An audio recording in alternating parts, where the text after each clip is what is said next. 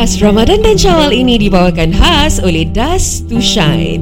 Untuk rumah yang bersih dan bersinar raya ini, sila hubungi IG mereka dust underscore to underscore shine untuk tempahan. Gunakan promo kod Tiba Je Bersih untuk diskaun sebanyak $100. Terms and condition apply.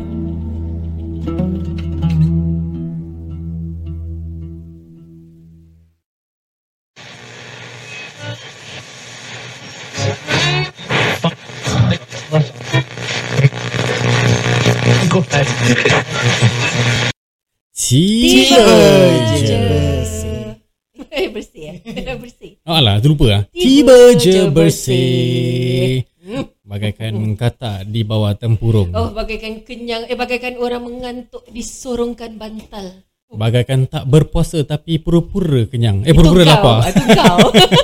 Kira kita berperibahasa lah eh. ah, baru dia buka puasa, kita Betul. pun terfikir nak, Ah, nak, baik nak dapat ilham. dapat ilham untuk hari ni kita akan buat urban dictionary peribahasa. Correct. Ni peribahasa ni kita reka sendiri. Whether it relate atau tak tu terpulang lah pada korang. Korang judge lah. Yes, so sekarang kan ada kamus Dewan Bahasa which is the legit Aha. bahasa Melayu. Tapi kita pun ada urban peribahasa. Ah. Time, time has evolved. Uh, apa uh, dictionary bahasa Melayu apa? Kamus Ah, Dewan Bahasa. Kamus tiba je. Kamus tiba je. Ah, Uh, kamus urban tiba je. urban dictionary uh, tiba je lah. Ah, kira baru punya ni sendiri. Kita pun ada merch juga Okay, sendiri. okay. So kira macam mana? Kira korang create a new peribahasa then kita kena teka Explain juga. uh, what is the meaning lah. Then you explain you after we teka then you explain the meaning lah. Yes. Okay. Okay, kita oh ya pi asum ah. Tengok siapa start dulu eh. Boleh. Okay. Okay. Oh ya pi asum. Okay, Kak Noi start dulu paper stone. Scissors paper stone. Oh. Scissors paper stone. Okay. So Kak you last ah eh. Eh, aku Eh, menang. Kak second eh. Ah, okay, okay. So Kak uh, Kak Noi dulu, Kak Noi first, Kak you second, Yudi last. Alright, let's go. Let's go. Okay. Uh, Sekejap, sekejap, kita kena kasih title. Teka peribahasa ini. Okay. Okay, boleh eh? Boleh? Teka, Boleh, eh, uh, apa, uh, bukan teka peribahasa. Reka peribahasa ini. No, kita dah reka. Kita Okay. nak suruh orang define the makna. Define peribahasa ini. Ah, okay, boleh. Define peribahasa ini. Apa punya Melayu? define, define, Define bahasa Melayu apa eh? define. Define. Definisi. ah, Definisi peribahasa macam-macam title. tiba je. ah, betul, betul, betul, boleh. Eh, panjang sangat eh, tapi tak apa. Okay, boleh. Suka hati lah. Kita punya. Yeah. Ah, kita punya podcast lah. Ibarat air dimasak tapi tak panas. Ni macam peribahasa betul ni. tak. Tak dia buat sendiri. Dia buat sendiri, Dia eh? buat sendiri. Okay. Ibarat apa? Air Ibarat dimasak. Ibarat air dimasak tapi tak panas. Kerja yang sia-sia. Yang tak mendatangkan faedah. Oh, jauh betul kau pergi. Dalam masak air tak Betul ke tak salah? panas. Salah. Okay. Kira um, air, air, water, water tu liquid. Liquid tu kira dah sains lah. Jauh Eh? lah, jauh. Kita tarik Dia dah sains lah. ya. Uh, ibaratkan air masak. Uh, kira orang tak suruh buat tapi kita buat. Salah. Tak, eh? Okay, apakah Okay, apa? definisinya? Give up, give up. Definisi peribahasa Ini. Ini. Tak on plug. Itu je eh. Jauh Ah, ke korang pergi? Jauh. Okay, Yudi dah sampai universiti je. Asal dah pakai saintifik tau. Alamak. Jauh punya. Kira simple tapi betul tau. Fact tau. Ah. Fact tau. Ni kira kau tengah kau dapat ilham time tengah masak air ke apa? Tak adalah. Oh. Tengah relax. Bukan Kat- bukan berdasarkan cerita benar eh. Macam cerita benar je. Macam Macam cerita benar. Kak Noi eh. Ha. Ada Chan Ah, kan, Dia kan. buat macam itu Ada Chan Okay Definisi peribahasa Tiba je Sini deh. Seperti lebah Yang tak ada kilang madu Tak ada kilang madu. Kira uh, lebah is bee, kilang madu is honey bee. Eh uh, honey hive. Ini bukan Translate peribahasa ini Uh, eh. tak nak kena faham dulu eh. Uh, kira orang tu homeless. Salah Salah. Sekejap eh, sekejap eh. Uh, Kak Noi pun ada sama apa peribahasa? tak ada, tak ada, tak ada, tak ada, tak ada. Aku tengah nak, nak nak nak linkkan apa ni bubble Malaysia. Apa apa? apa? Bumblebee. Bubble bee. Bumble Malaysia. Apa Salah, je. Confident pula tu makan masa tak nak fikir. Salah. Salah. Definisi peribahasa tiba je seperti lebah yang tak ada kilang madu. You might have all the resources and all the needs, Ha? But you never exploit and make full use of it. Oh, Ni ni, kira dah deep betul lah. lah, Ni deep deep lah lah. ni. Betul lah. Oh betul. Yang kan ni nak buat-buat. Buat-buat peribahasa tu aku buat sendiri tapi makna dia berkaitan dengan Ah. peribahasanya lah. Ah, okay, Ha. okay, Bagus, bagus. okay. Eh, kejap, kejap eh. Uh, B, B. Boleh matikan TV. I distracted lah. Tengok dia makan bebek. Nasi bebek ni. matikan, matikan. Nasi Thank bebek you. goreng. Okay. Definasi. Apa eh? Ah, peribahasa tiba je. Bagaikan tulang melepaskan som-somnya. So, uh, nikmat yang tak terhingga daripada sesuatu yang di dalam sesuatu. Eh, almost, almost. Tapi salah. Alamak. Oh. Asyik sah. Ah, Sok kambing. tak. Tulang, tulang. Tulang, tulang. Bukan sup. Uh, uh, tulang merah. Tulang merah. Ah, tulang merah. Ah. Okay, I repeat eh. Bagaikan tu, uh, bagaikan tulang melepaskan som-somnya. Tahu kan som-som tu kan? Yang Ya, macam ya. kahak tu Ya. kan? Macam kahak. Siul. Eh, apa sih? Macam kahak ah. Kalau No dia lah. macam kahak. Kau punya kuning-kuning. kahak je macam itu. Lendil-lendil ni. Ah. Uh, Okay, apa? Tak Tak tahu. tahu. Okay. Maksudnya menjual mahal tapi bila dapat huh, nikmatnya power. ah. Oh. betul tak? Okey, okey, okey. Ada, ada. Aku nampak kesinambungannya dekat situ. Ada, ada, ada, Ni ada. kes, uh, kesenian tau. Ni tak semua orang boleh buat macam Betul, ni. betul, betul, betul, betul, betul. Betul, Tiba je boleh buat. betul, betul. Aku akan gunakan lah peribahasa ni mulai daripada hari ni. Hari-hari aku akan gunakan peribahasa. Ah, Apa lagi ni? Bagaikan tulang melepaskan som-somnya. Nikmat lah, betul. Aku cakap Ha. word nikmat. Dapat half a Eh, point lah. half a point ha, lah. Nikmat. Boleh lah. Okay. Aku eh. Apa? Definasi peribahasa Tiba, tiba je. Kalau ibu kaya, anak jadi puteri. Kalau anak kaya, ibu jadi apa? Ni, ni jok, jok pakcik-pakcik ke apa? Ah, tak, tak, tak, tak. tak. Ni teka-teki ke Ni apa ni? teka-teki. Tak, tak, tak, tak. Peribahasa. Ni peribahasa? Ah, ah. Habis ada question Ada mark? question mark? Ha. Peribahasa dia ada question mark? eh? Ada, ada. Okay lah, tak apalah. Peribahasa dia apa. Okay, Ah, dia ya, pun suka lah. Ah. Asal kita judge eh. Okay, kejap. Bagaikan emak, eh, bagaikan anak, Eh, tak. Kalau ibu hmm, kaya, kaya, anak jadi puteri. anak jadi puteri. Kalau anak kaya, Ibu ibu, jadi jadi, apa? apa? Ibu jadi gila. Ah, Oh, salah eh. salah, salah. Macam macam teka-teki pun. Maknanya, uh, bila kau, uh, bila kau dah dilahirkan, kalau mak bapak kau dah memang kaya, that means ke, kau dah automatically jadi kaya. Tapi Okay. kalau anak kau kaya, belum tentu mak kau akan kaya. Wah. Deep lah eh. Deep lah. Tapi betul tak? Dia ni dia punya fikiran. Ha. Oh, aku simple je. Ibu jadi tua. Dia bukan peribahasa tau dia ni. Ini teka-teki. Aku rembat dia juga dia ni. Peribahasa tu ada meaning dia eh. Ah. Ini cakap jawapan je. Itu teka-teki. Itu teka-teki kan. Ah, alamak. Ah, Problematik okey lah. ada ni. Sekarang kau duduk, kau tengok balik semua peribahasa yang kau dah bikin. Dia teka-teki ke peribahasa? Tak, kan nak kena faham. Dia sampai primary 7. Standard aku ah, standard aku. okay, okay. Kita terpaksa lah adapt lah eh. Ah, nak terpaksa lah. Dia ada Suka tak suka. Dictionary for beginners. Ah, for, for newbies. okay. Aku kata dah. Macam mana? Ya, yes, yes. Okay. Um, sepandai-pandai katak melompat, akhirnya tak masuk Olimpik. Eh, ni aku macam pernah dengar. Ni kan sepandai-pandai tupai melompat akhirnya jatuh juga. Ya, tu Ah. kata ada Tapi juga. ni Jadi katak. sepandai-pandai katak melompat, akhirnya tak masuk Olimpik. Kau pernah nampak tak Olimpik main? Tak ada kan? Katak. Ah, tak ada. ni kira apa tau?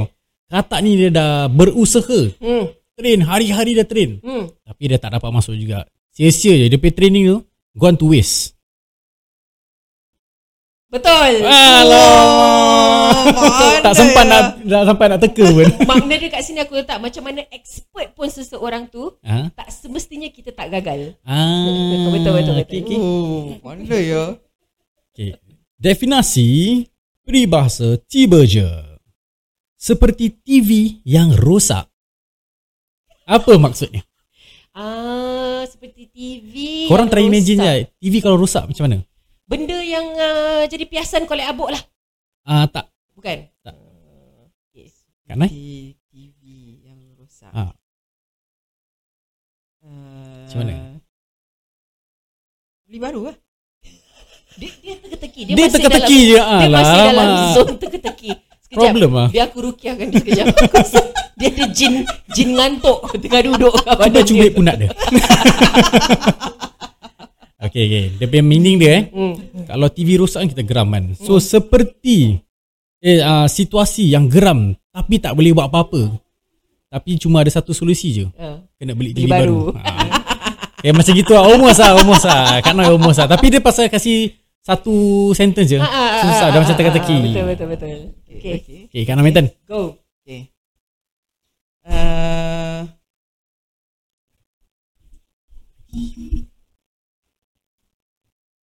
Okay, encah Kak Noi. Jangan DA sangat. okay, okay, Ah. okay, okay. Uh, ibarat kuku rupakan isi. Ni macam UDV je. Itu, itu je. Ha? Itu Kuku je. kulit. Ha, Itu je. Okay. Ibarat kuku, lupakan isi. isi. Uh, seseorang yang uh, tak mengenang jasa lah, yang tak sedar diri. Uh, dah, orang dah tolong, tak sedar diri, tak nak cakap terima kasih, terus Dia yak lah. uh, dia yeah lah kira, dia world lah. World of the nation of the universe lah. Kalau yang betul-betul ni apa eh?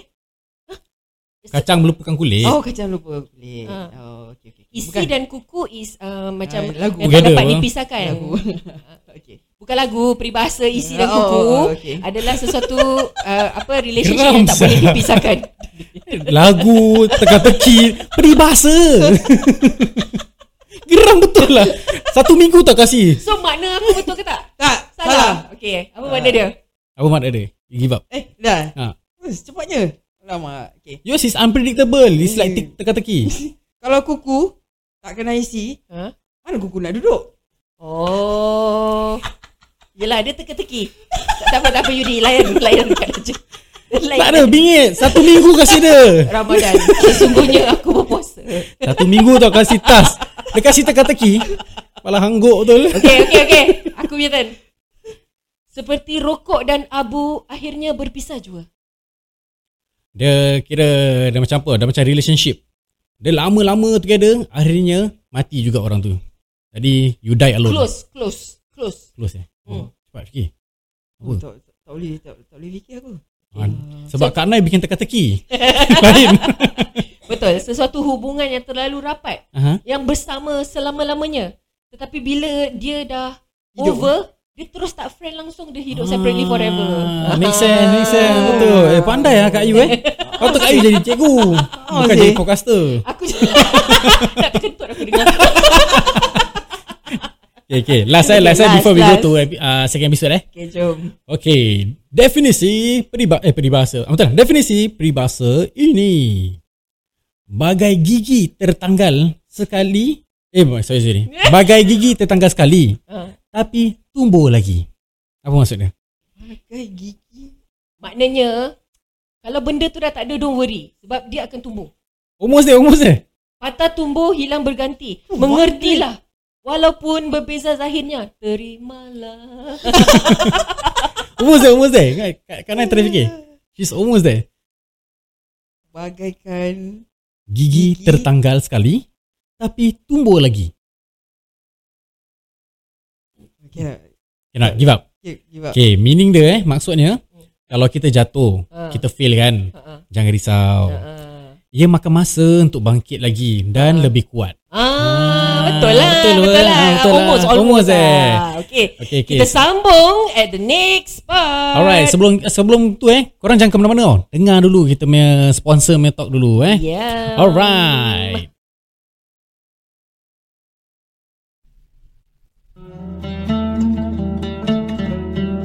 Podcast Ramadan dan Syawal ini dibawakan khas oleh Dust to Shine. Untuk rumah yang bersih dan bersinar raya ini, sila hubungi IG mereka dust underscore to underscore shine untuk tempahan. Gunakan promo kod Tiba Je Bersih untuk diskaun sebanyak $100. Terms and condition apply.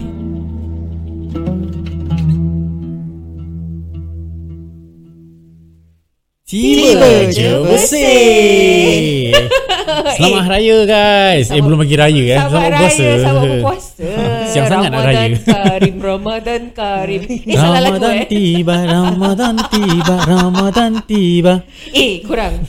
So, apparently, uh, Kak Noi dah pakai uh, Dust to Shine, kita punya sponsor ni kan? Oh, Ya, it? betul. So, um, Apa servis? Dust to shine. Tak, as in, apa servis lah? Uh, clean up uh, the whole the whole house yang uh, aku cakap kau orang pasal yang tiles aku Oh, tu. yang chemical tu eh. Ah, yang ada apa grouting eh. Ah. Ah, yang hitam-hitam tu kan. Oh, dia, dia orang bersihkan ah. Eh, is it? Oh, alamak aku macam satisfied gila lah dengan dia orangnya uh, cara bersihkan kan. Eh, Ah. dia apa? Bersihkan the whole entire house ke atau toilet je ke apa? Eh tak tak, the whole the whole entire house. Aku Oh. ambil yang the whole entire Oh. house. Ah, dalam Lama bilik. Lama tak dorang, dorang bersihkan? Dalam um, 4 jam itu. Oh, okey lah kan. Ah, so aku uh, ambil cuti lah. Stay, oh, ambil stay kat relax, rumah. relax je lah. ya. Oh, so, so, far you... that means eh, this this this service Ha? uh, menjimatkan tenaga, Betul juga. menjimatkan masa, Ha sih. menjimatkan duit. Ya. Menjimat apa? Kau tak payah ruang tamu. beli kan? Kau tak payah beli apa-apa barang-barang chemical-chemical ni semua tak, Tak payah kan? payah. Dia dia orang ada semuanya. Wow, really very professional lah. Professional. Kalau Kak Professional. Noi buat sendiri satu hari dah sakit badan dah. Ha, tu lah. Tak boleh saya tu. Ah. Aku Dua, dah lah tiga tak hari, boleh, eh? Tak boleh jongkok kan. Ah, tu lah. Ha, uh, lutut pun dah masalah. Ah, Ah, kerakuk tu lah. kerakuk. Kira-kira kalau pakai servis orang eh, like what Kak you say lah save energy ni semua that 4 hours you can do a lot of things eh, Hey, boleh you can go boleh terawih, you can Ah. focus on buat kuih. Boleh Kau beli baju raya. Kat satu corner kau boleh pergi ba- bazar pergi cari Ah, baju raya kau. betul, betul, Ya, betul. betul, betul. bila bila part that throughout the whole 4 hours you just stay inside your room or you got go out ke apa lepak ke apa First uh, first uh, two hours itu aku dalam uh, dalam bilik lah. Lepas tu Ah. dia time nak nak buat kat dalam bilik. Okay lah aku duduk, duduk luar pula lah.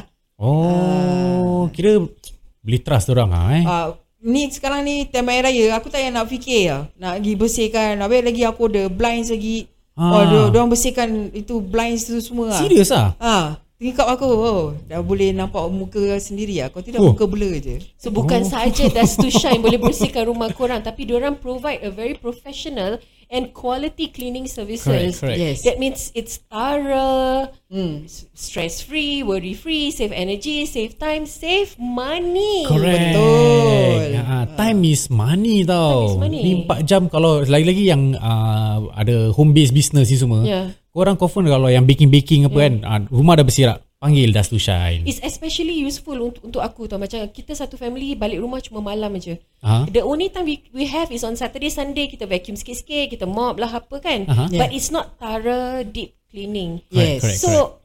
I am thinking of using them on a monthly basis So aku tak payah risau aku punya monthly cleaning Oh, routine. ada juga eh monthly basis ni. Yes, we should we should we should just get Subscribe and find je lah, out kan? and subscribe because I'm sure there is a long term package for um a, a, a, a period of time. For example, kau nak sign a package for a year, 12 months or something like that. There, there is a package at a very reduced price. Correct, so correct, even now, whatever that we are promoting. Um, ada, adalah harga-harga discounted dengan promo code tiba je bersih boleh saja hubungi mereka di IG mereka dust underscore two underscore shine Dan, dan, boleh hubungi WhatsApp mereka 89459235. I repeat 89459235. Dan jangan lupa ada promo code dia tau. Tiba je bersih, eh, korang boleh dapat diskaun. Nak kena mention, eh? Ah, nak kena mention lah. $100 dolar. Up to lah. Ah, up to lah kan. $100 dolar. Yes. Eh kira banyak juga sih up to 100 dollar tau. Eh, banyak tau. Ha, tapi kita nak korang nak tahu the actual price is best you guys go to their IG lah kan. yes and find out the real Correct, price correct, the ah. usual price and then the discounted price with the promo code tiba, Tiba je bersih. Alright.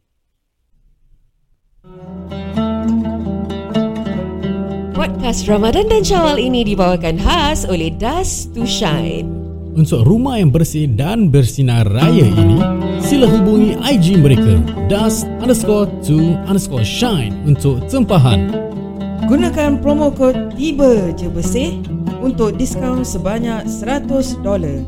Terms and condition apply.